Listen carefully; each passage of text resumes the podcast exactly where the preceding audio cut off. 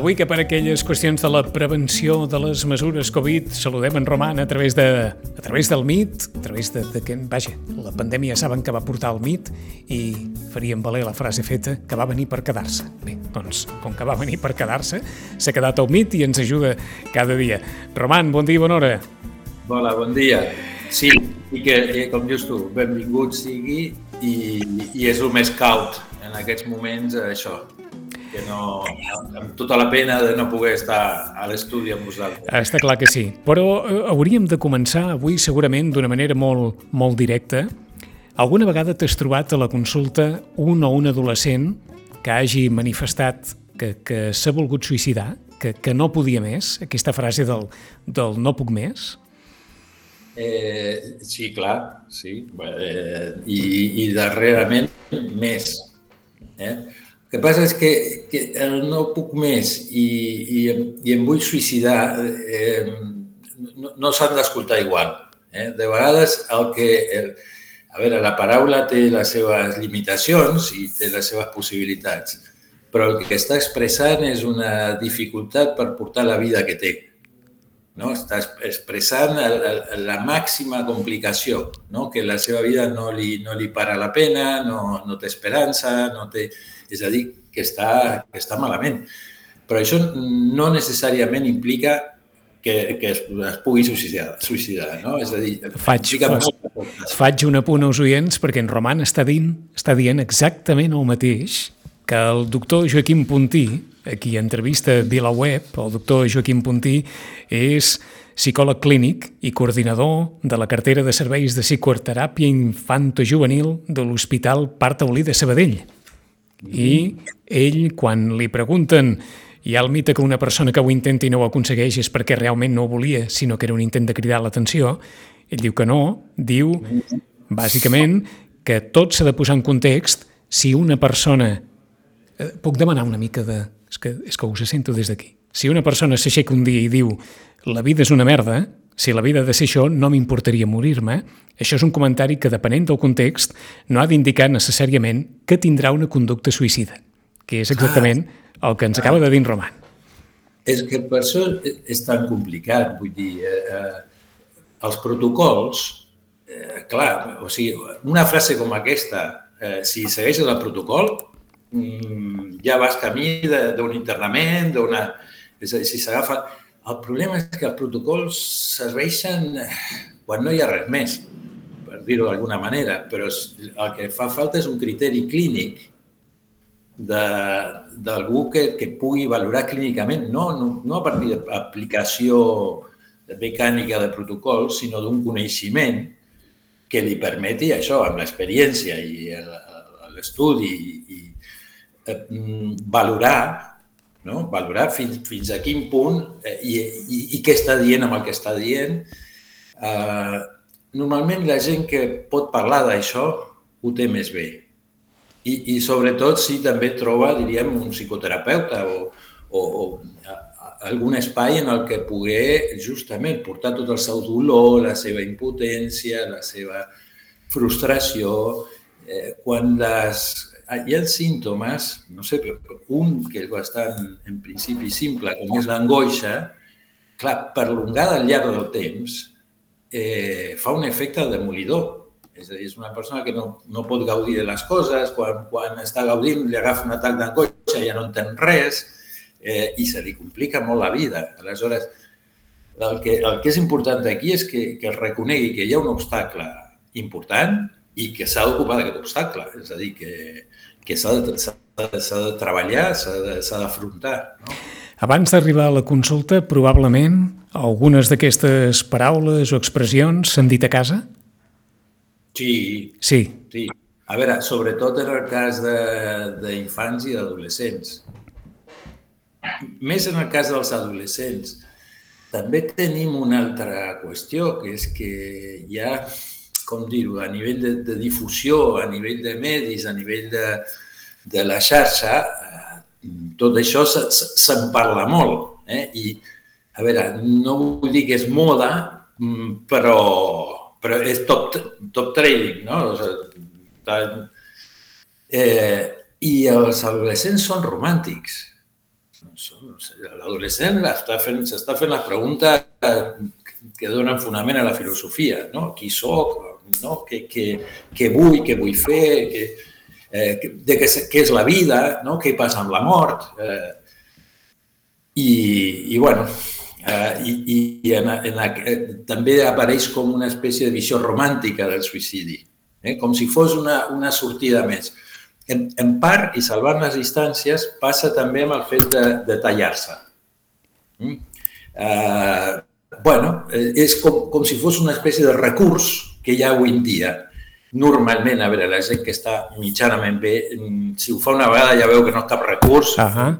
és, és, és fer-se mal i que no, no arreglar res. Però, però segurament eh, eh, aquí més d'un dels oients que, que ens escolti pensarà bé, hem arribat a una d'aquelles qüestions que, que no sé jo si determinades actuacions es fan per cridar l'atenció o si amaguen alguna cosa més. O, o potser porten les dues coses a la vegada.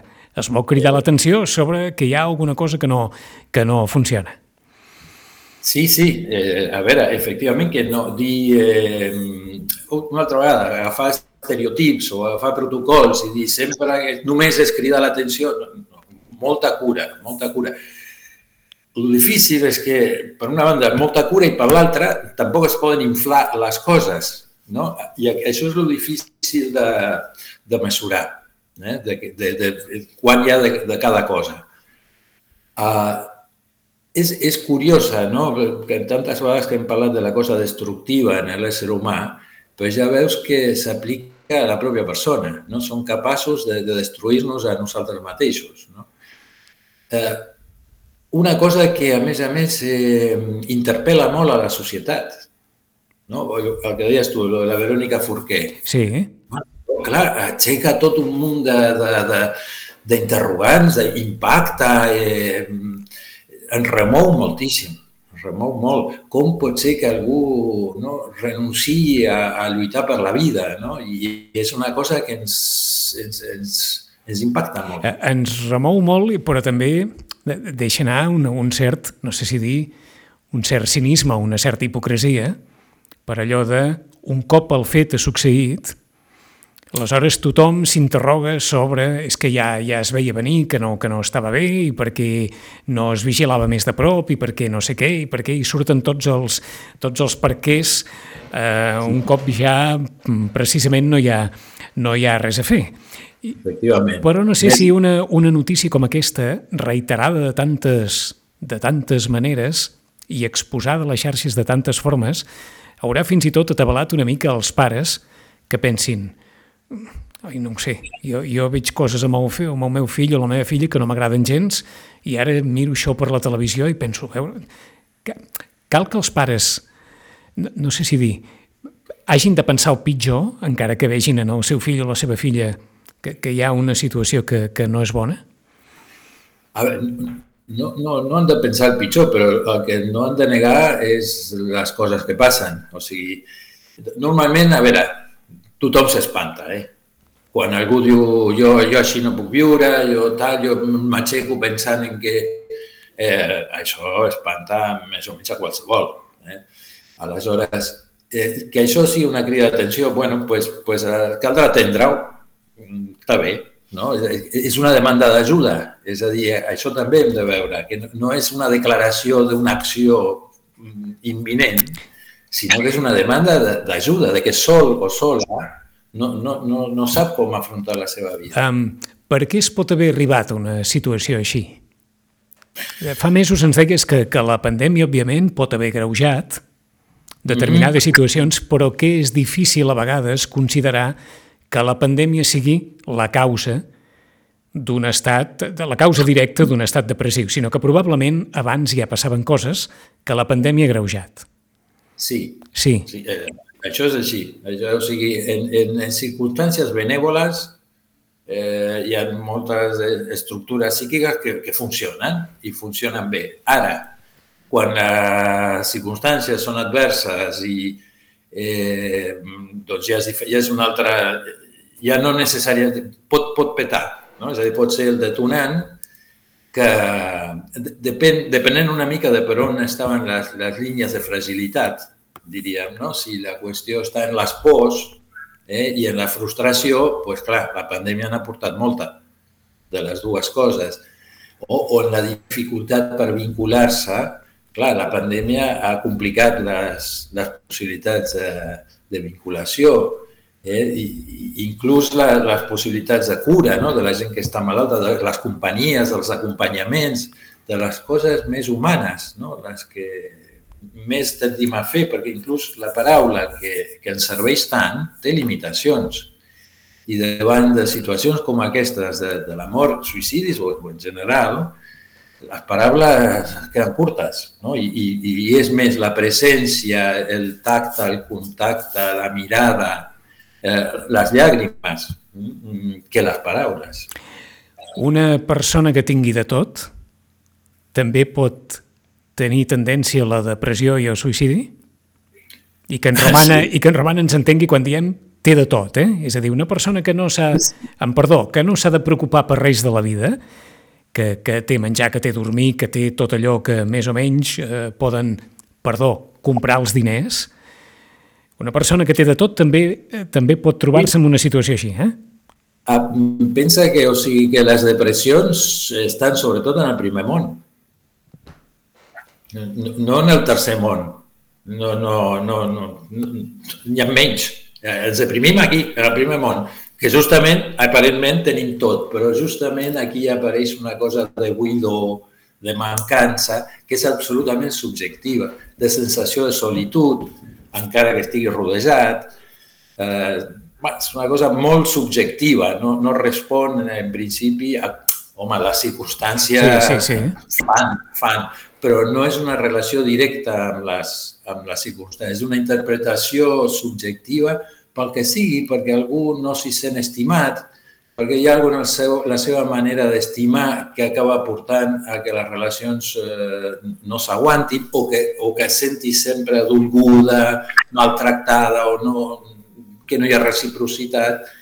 I és com si els còdics d'intercanvi i, de, i de vinculació i de comunicació quedessin com, com fets malbé no? i no hi ha aquesta sensació de connexió amb l'altre i amb les coses del món.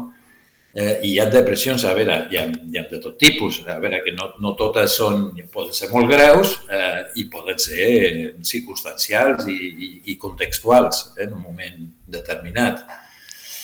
Eh, i, lo del, i hi ha també una relació entre la depressió, segons quines depressions, i el suïcidi, no? perquè és, eh, són, no, sobretot els estats més propers a la melancolia. Eh? La melancolia no com el que ens pot agafar ara per Nadal, uh -huh. justament, aquesta cosa més nostàlgica, melancòlica, no? de coses passades, sinó una melancolia eh, severa que porta a una a un estar malament amb si mateix, amb una crítica severa al propi jo, eh, que és una, és una tortura, és absolutament una tortura. És, és tenir l'enemic a dintre, a dintre teu. Um, T'haig de preguntar també, òbviament, pel paper de les xarxes socials en, en tot això.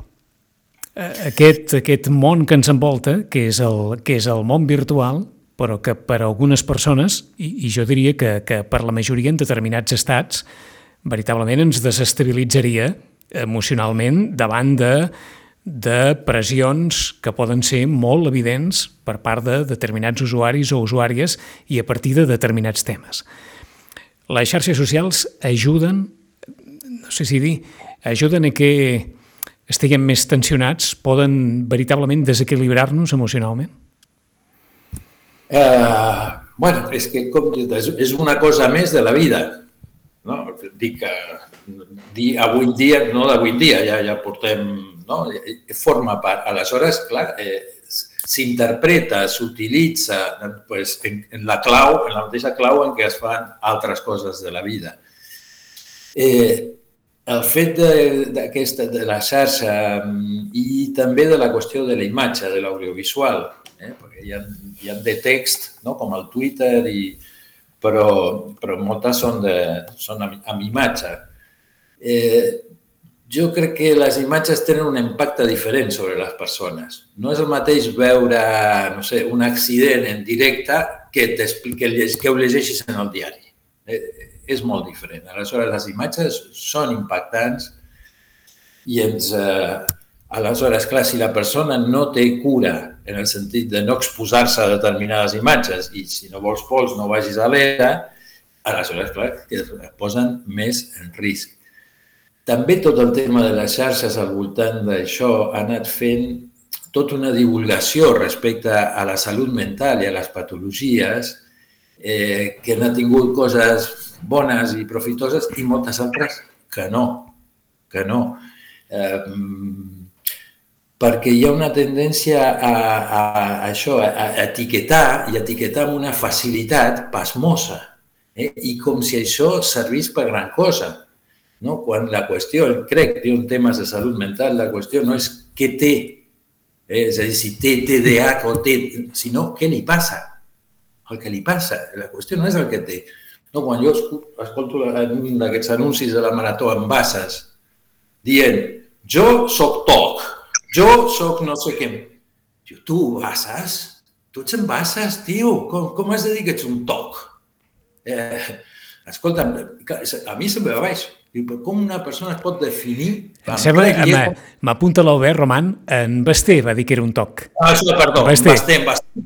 Ui, ja, no, no, no, no, ja està, ja està, aclarit, aclarit. Gràcies, Albert, Gràcies. perquè, perquè Gràcies. va molt bé diu... Sí, sí, sí. Perdó, perdó, Basté, Basté. Sí, sí. No, és que és un home que, que, que a veure, que si s'hagués de definir estaria hores parlant.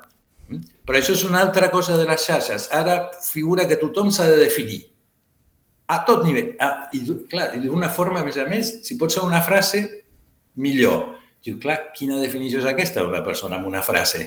Eh, és, és tant com no dir res, és, és menys que la, la superfície. És, és, bueno, és, és negar la complexitat de, la, de les persones, no? que són, són molt complexes i no es poden definir així com així, costa molt.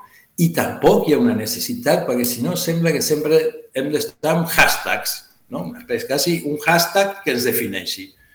Mm, no, eh, és, és més profund, és, més, és diferent, és una... La definició, a més a més, no és tant per donar-li a l'altre, sinó perquè un no, sàpiga de si, però mm, de, de, de com és, de què li importa. De... Partint dels tòpics, te'n pregunto sí. alguns per aquelles persones que, que d'alguna manera us hi han comentat en alguna ocasió o saben d'algú que d'una forma, no sé, més o menys recurrent, ha comentat, bueno, és que em volia morir, és que no sé què, que tal, que tot és una merda, que tal, però que al final mai no passa res.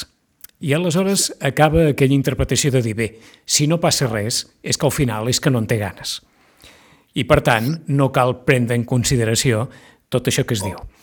Com, com pots tenir ganes de fer un viatge a Austràlia i vas cacarejant cada any que aquest any sí i, i no vas mai. Eh?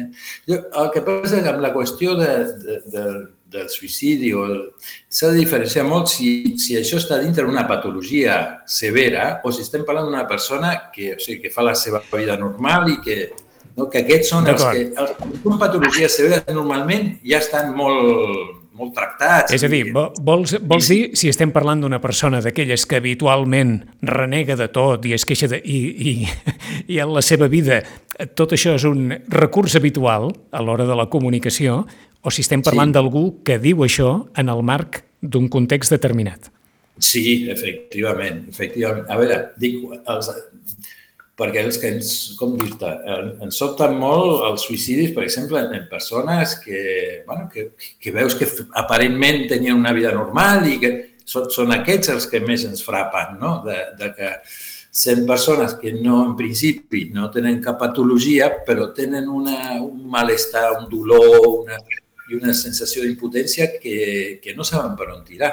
Eh? I, i, si, I si parlen i si diuen, millor, que si s'ho guarden, no, perquè tu dius, si hi ha un que sempre està renegant, està... és que moltes vegades no, no, no piulen. No, no, no, justament, no saben ni com expressar-ho, ni, ni, ni s'aclaren, ni... Vols dir que moltes vegades és un procés tan intern mm -hmm, que, que no s'externalitza ni a l'entorn més, més proper. Sí, tal qual, tal qual, és, és curiós. O sigui que quan es diu, quan apareix, bueno, ja tens d'on tirar una mica del fil. O, o sí que a molts pares i mares els serviria ben poc eh, la l'eterna pregunta de què et passa, què et passa, i una vegada, i dues, i tres, no, no en traurien gran cosa? Mira, el vídeo de la marató, sí. el, el llarg, eh? Sí, sí, el llarg. Està plantejada aquesta qüestió. Eh? És a dir... Què et passa? No, surt, sí, què et, què et passa? Clar, com, com ha d'explicar el que li passa si ni acaba d'entendre ni de saber massa què és el que li passa? I quan ho fa, l'altre mostra la més total incomprensió i li diu, bueno, doncs tu el que has de fer és sortir a ballar. I clar, l'altre, o sigui, es queda a quadros, perquè pues, entenc, hi ha molta sensació d'incomprensió, però com qualsevol que viu una situació difícil, la sensació de comprensió per part dels altres normalment no, et minsa. Mm -hmm. Però en aquests casos és encara com contraproduent, és, és el contrari. No? O sigui, està plorant, no ploris. Diu, però escolta, però si està plorant, com l'has de dir que no plori? Deixa'm sí. abans de continuar amb l'anunci, dues qüestions que potser ens poden ajudar. Per una banda, i, i torno al tòpic, eh? aquelles persones que tenen una autoestima alta són menys propenses a caure una depressió que aquelles persones a les quals sovint ens hi adrecem com, mira, és que és un víctima, és que cada dia diu, oh, tal, cada dia, cada dia, cada dia. Aquelles persones que moltes vegades victimitzen moltes de les situacions que pateixen, són més proclius eh, a viure un estat depressiu que aquelles persones, diguem-ne, que tenen una autoestima molt alta, o no és així això?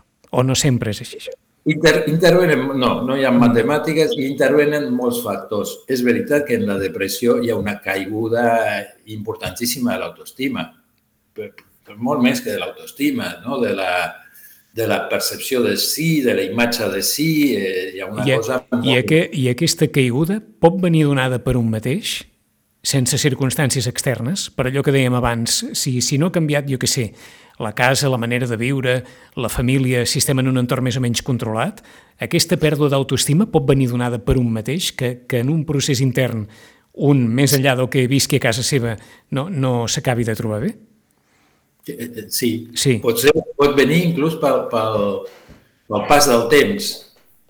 No? Un pas del temps en què tot està molt controlat, però la sensació de buidor, de, de manca de plenitud, de, no? comença a pesar. T'ho pregunto per si molts pares i mares poden pensar, és clar, és que no, no trobem l'explicació, perquè nosaltres som els mateixos, perquè hem obrat sempre de la mateixa manera, i, i, i ara no, no, no sabem per què, per què ha passat això o per què ha entrat en, en, aquest, en aquest estat si a l'entorn nosaltres ens hem comportat com sempre, tot ha anat molt bé sempre, i això pot passar. I passa, passa, passa irremediablement. Digues, si hi ha estima, si hi ha implicació per part dels pares, la pregunta sempre és què hem fet malament, què és, que no, què és el que no hem sabut veure. Eh, finalment, tot això desperta molta culpa. Molta culpa. Inclús en el cas suïcida, eh, genera molta culpa en tots els del voltant, no? de què haguéssim pogut fer, per què, per què no ho diu, que, i no que i, és, i fa, genera culpa. I en els pares, eh, i culpa i, i, i desconeixement, no? d'ignorància, de, de no, no, no, no saber i no entendre. Per això que és tan important que quan s'atén la persona que li passa, els pares també tinguin l'espai per poder processar i anar encaixant i anar entenent i anar fent alguna amb aquesta culpa que si no és molt, molt destructiva um, i no aporta res. No? O sigui, sumar no suma la culpa. I ara m'has de matisar molt, molt la pregunta que et faré. En el sentit de fins a quin punt, si els pares han continuat fent la seva vida, si tot ha estat en un entorn estable i la pròpia persona ha començat a viure aquest procés de pèrdua d'autoestima, es pot marcar, encara que no es vulgui, aquella línia de dir mira, és que no ha estat cosa nostra, eh, eh, és més cosa d'ell. I, per tant, ha de venir més d'ell la solució a aquest problema, perquè... Sí? Sí, sí, sí. A veure, el subjecte sempre té una responsabilitat, inclús en nens, inclús en, en infants. Uh, sempre està implicat, sempre està implicat i, i, i fa una lectura i una interpretació i, i desitja unes coses. Moltes vegades pot venir per, per, per no sentir-se estimat, però no perquè no ho estigui, sí sinó perquè, perquè necessitaria molt més o està estimat d'una altra manera o està en rivalitat amb un germà que sent que se li importa tot. bueno, com, complexitats de la vida amorosa de les persones que, que, que ens porten molt de patiment. No, o sigui, l'estimació no són flors i violes, que també, però, però porta moltes decepcions, moltes frustracions, i al voltant de tot el tema de la pandèmia, déu-n'hi-do, déu nhi déu les decepcions no? que, que passen en, en els vincles. Amb saber qui ha estat a prop, qui no ha estat tan a prop, o, o qui s'ha sentit més proper o menys proper a altres persones? Mm. Sí, i, i sent que, que ha estat tan dificultat i continua estant-hi, no? Tu torna a venir el Nadal i ja anem al segon Nadal en pandèmia i, bueno, i estem amb l'espasa de Damocles, bueno, aquí tu i jo fent el, sí, el sí. programa en pantalla, bueno. Eh, eh, però, és clar, tal, tal com ens expliques, diguem-ne que més o menys qui ens escolti va pensar, mira, sabem o, o podem intuir per on pot començar una depressió, que pot ser un procés personal, pot ser un procés donat per les circumstàncies que envolten a la persona que veritablement l'estan afectant emocionalment, etc. Però, és clar, el que no sabrem, i crec que és bastant difícil de saber, és què pot durar la recuperació d'una persona per retrobar aquell equilibri, diguem-ne, que, que recordàvem dels seus bons moments. Sí, escolta, eh, com diu, seré dolent, què més dona? Entre tant, aquest treball porti a, aquesta recuperació, doncs benvinguda sigui. El problema és quan no hi ha intent de reparació o quan aquesta no és possible, això sí que és no? quan la cosa es cronifica.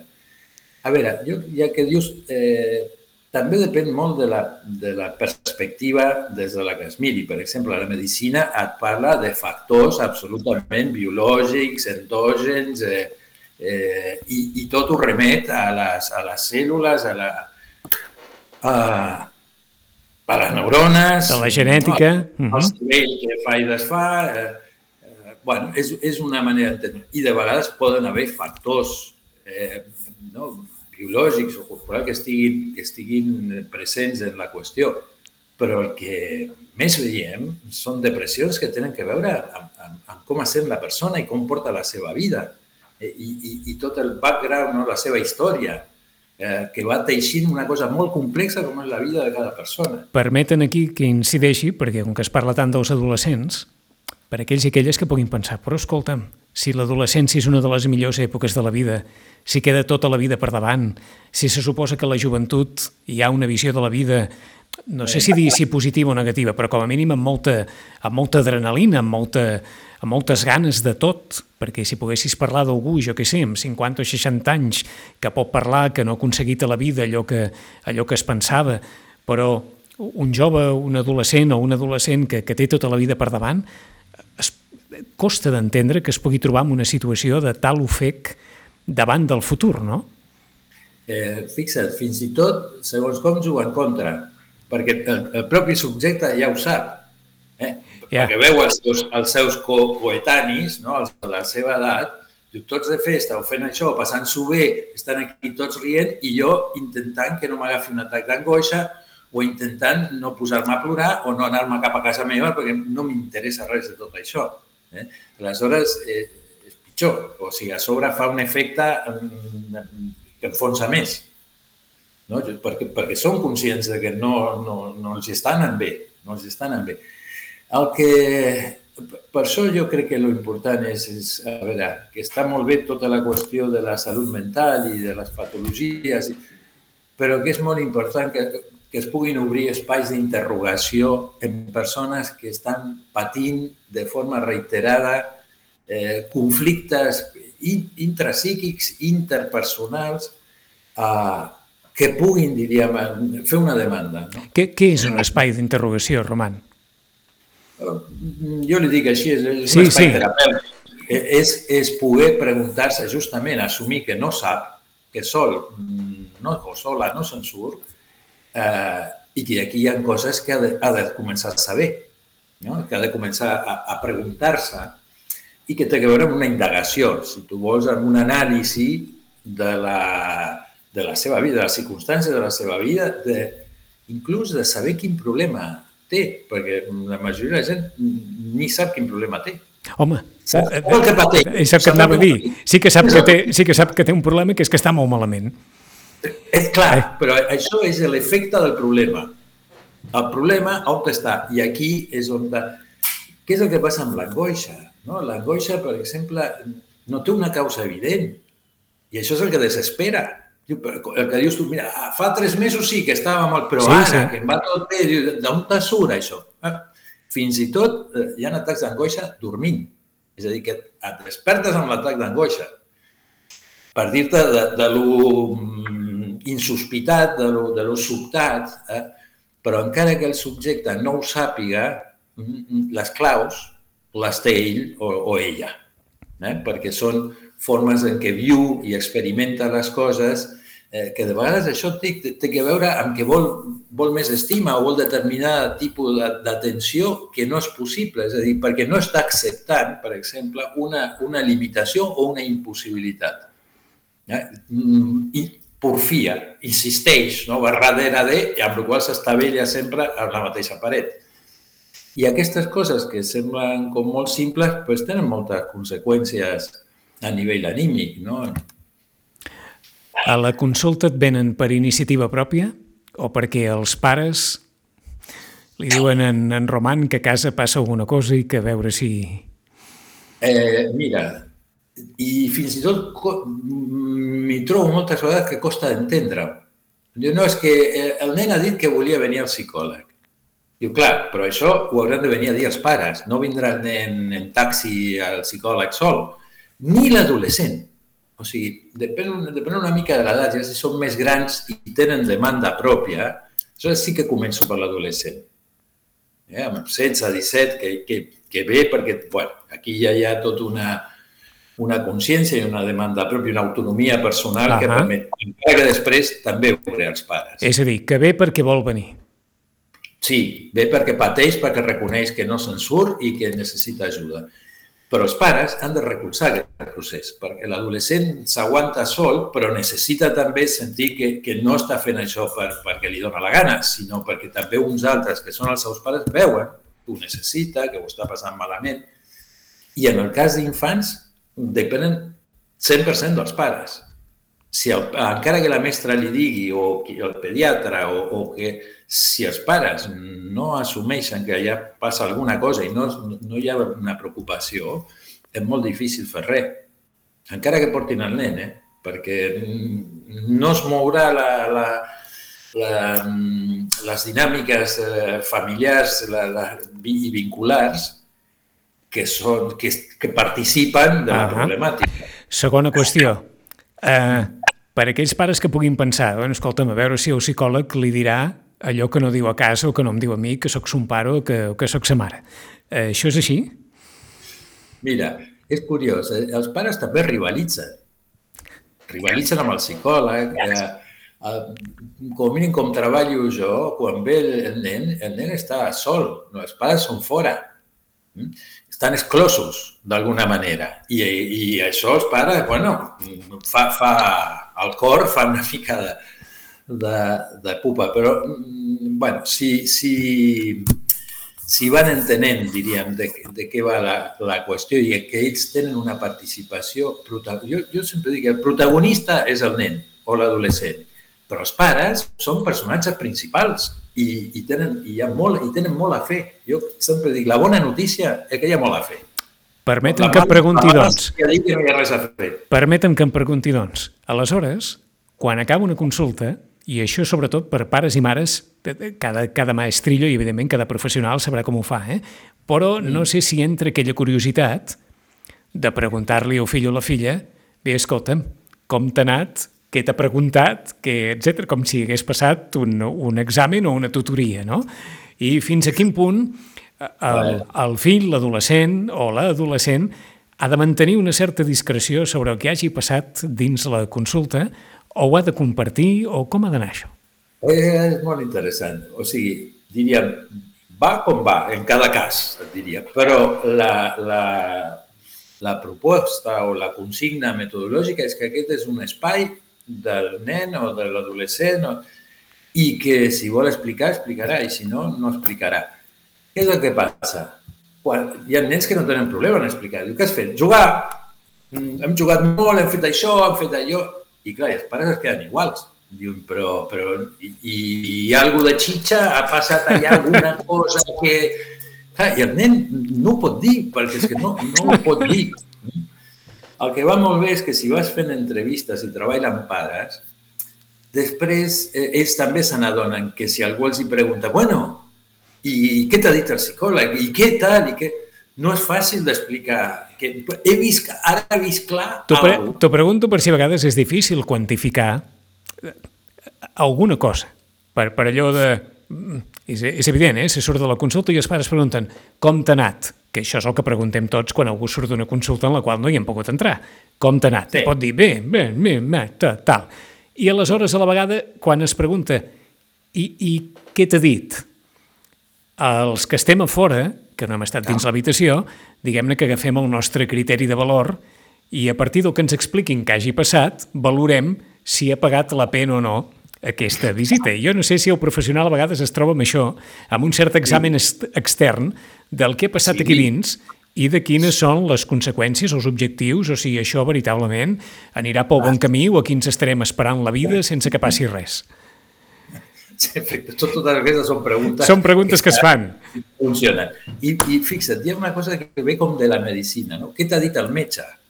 Clar, què t'ha dit el metge és pren-te tres pastilles, tens bronquio, no sé què, okay. i, i, i arriando. Eh, clar, aquí no, això no funciona.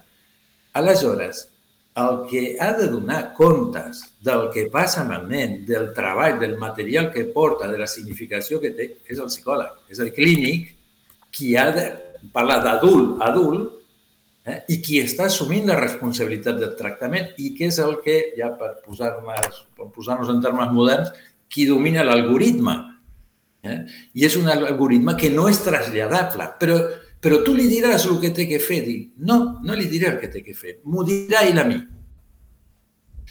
Diu, va, com pot ser? Bueno, pues ja ho veuràs, o sigui, no, no, no, no t'ho puc explicar. És a dir, no, no hi ha explicació possible per dir de com i de quina manera s'aniran produint les transformacions. T'ho pregunto així perquè si a diferència de, del que tenim, vaja, comúment establert en moltes consultes, hi ha una certa sessió de responsabilitat de, en la gestió de la situació a un tercer i aquesta sessió de la responsabilitat, diguem-ne, que ha de ser des del convenciment, Eh, jo no demano tant.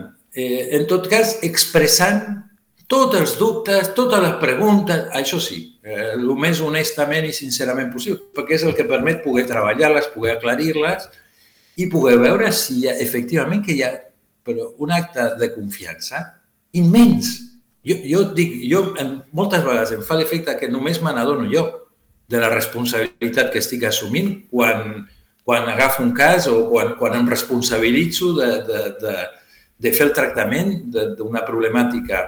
I veus que els pares com si anés a ajuda o a cara, i tu dius, ostres, que no, que, que aquí hi ha coses eh, eh, que, són, que són delicades i més tractant-se d'infants i, i, i, bueno, i de persones. Que, uh -huh. um, és, com dir, moltes vegades què passa? Mira, això és com quan, surten els futbolistes, ¿no? O li preguntes a un adolescent, bueno, què faràs al partit? Bueno, hay que darlo todo. Mm, eh, eh, jo, I tot d'eslògans, un darrere l'altre.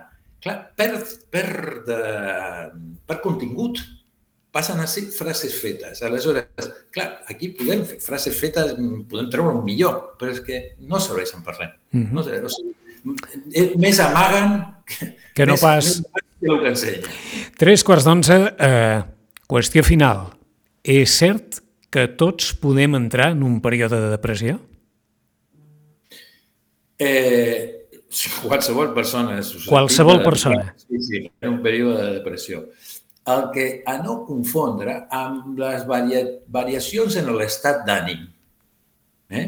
És a dir, quan la gent diu estic depre, bueno, eh, Sí, és una, és una forma de, és una forma de dir-ho, com el col·loquial. Una ah forma de dir-ho, o sigui, anem més bé si diu estic xof. Va, fantàstic, que també és una, una onomatopeia, eh? Això, però bueno, com a mínim ho traiem del discurs eh, patològic, perquè el que no podem... O sigui, les malalties mentals, o, o la... A veure, les malalties mentals són una cosa, la salut mental és una altra. I dintre de la salut mental, sense entrar en la patologia, hi ha, hi ha fons de patiment i de, i de conflicte que afecten a, a l'ànim de la persona i al benestar eh, emocional de la persona. I això pot ser susceptible d'això. De, de vegades és gent que pot fer unes poques sessions i, i ja està, ja ha fet, ja ha fet net, ja, ja, ja ha connectat tot el que havia de connectar, encaixa el que ha d'encaixar i, i endavant. Eh? Uh, o sigui bueno, que moltes vegades aquelles persones que diuen no, és que estic en una depressió i resulta que al final, al cap de dues setmanes, no, estic perfecte. eh, eh, Diguem-ne que no... O avui tinc depressió. O avui tinc de... No, no, no, no. Això no va així, eh? No, a, a veure com dir-ho. El llenguatge eh, s'apropia de coses, però perd tota relació amb la, amb la realitat o amb la veritat. Eh? Que... I mira, i de vegades el Nadal per a algunes persones és un element molt, molt de, de, tirar, de tirar baix. Cert. No, no, és, no, no és la millor època eh, eh com per, alguns, uh -huh. per alguns no en funció de la seva... I per uns altres és que és fantàstic. I mira, i és una realitat feta de paraules Eh? I, I mira que tinc tota la tentació de llegir-te el del, del Sant Joan, les paraules del Sant Joan. De, al, al principi no, fou el, el verb. Uh, em, em dones... A veure, a veure si Sí, home, si vols podem acabar amb això. Va, abans de Nadal hi travessarem a, a l'any que ve. Eh, això, no, això, no era, això no era massa habitual amb en Roman, però avui suposo que li vols donar molt valor a aquestes paraules perquè, perquè amb les paraules generem tot un món, no? tot una, una fantasia, una, una, uh, una realitat de paraules, de realitat màgica. Sí, sí, sí, cert, cert. De... Mira, espera. Eh, això. Al començament era el verb i el verb era amb Déu. O sigui, el verb estava allà i és el verb qui fa venir a Déu. Mm? O sigui que, verb és, que Déu és un verb. El verb era amb Déu. I el Déu era verb. O sigui, que, que, que, que com venia a dir això mateix, eh? ell era al començament amb Déu, el verb. Tota cosa per ell fou feta i sense ell res no fou fet del que ha estat fet. O sigui, que tot està fet en paraules. Déu el Nadal, sí, sí. un munt de paraules i amb aquestes paraules vivim, amb aquestes paraules ens enganyem, amb aquestes paraules eh, gaudim i patim. Més I enllà, més enllà de creure o no creure, eh? Estàs parlant del valor, del valor simbòlic de les paraules. Efectivament, efectivament. Justament, la, la paraula és el creador del creador. Mm -hmm. Diríem. Sí, sí, sí. D'aquí... Creacions que fem els humans. Això que deia Kant, que si els déus tinguessin... Perdó, si els tigres tinguessin déus, els déus dels tigres tindrien forma de tigre. Està clar. Ja. 10 i 50 minuts. Bones festes, Roman. Moltíssimes gràcies. Bones festes per vosaltres també. Cuideu-vos molt. Esperem retrobar-nos aquest 2022 una altra vegada presencial, però presencial d'una manera més continuada. Però mentrestant, que ens cuidem també i que et cuidis tu també. Moltes Fins l'any que ve, Roman, gràcies. Adéu. Adéu-siau. Gràcies.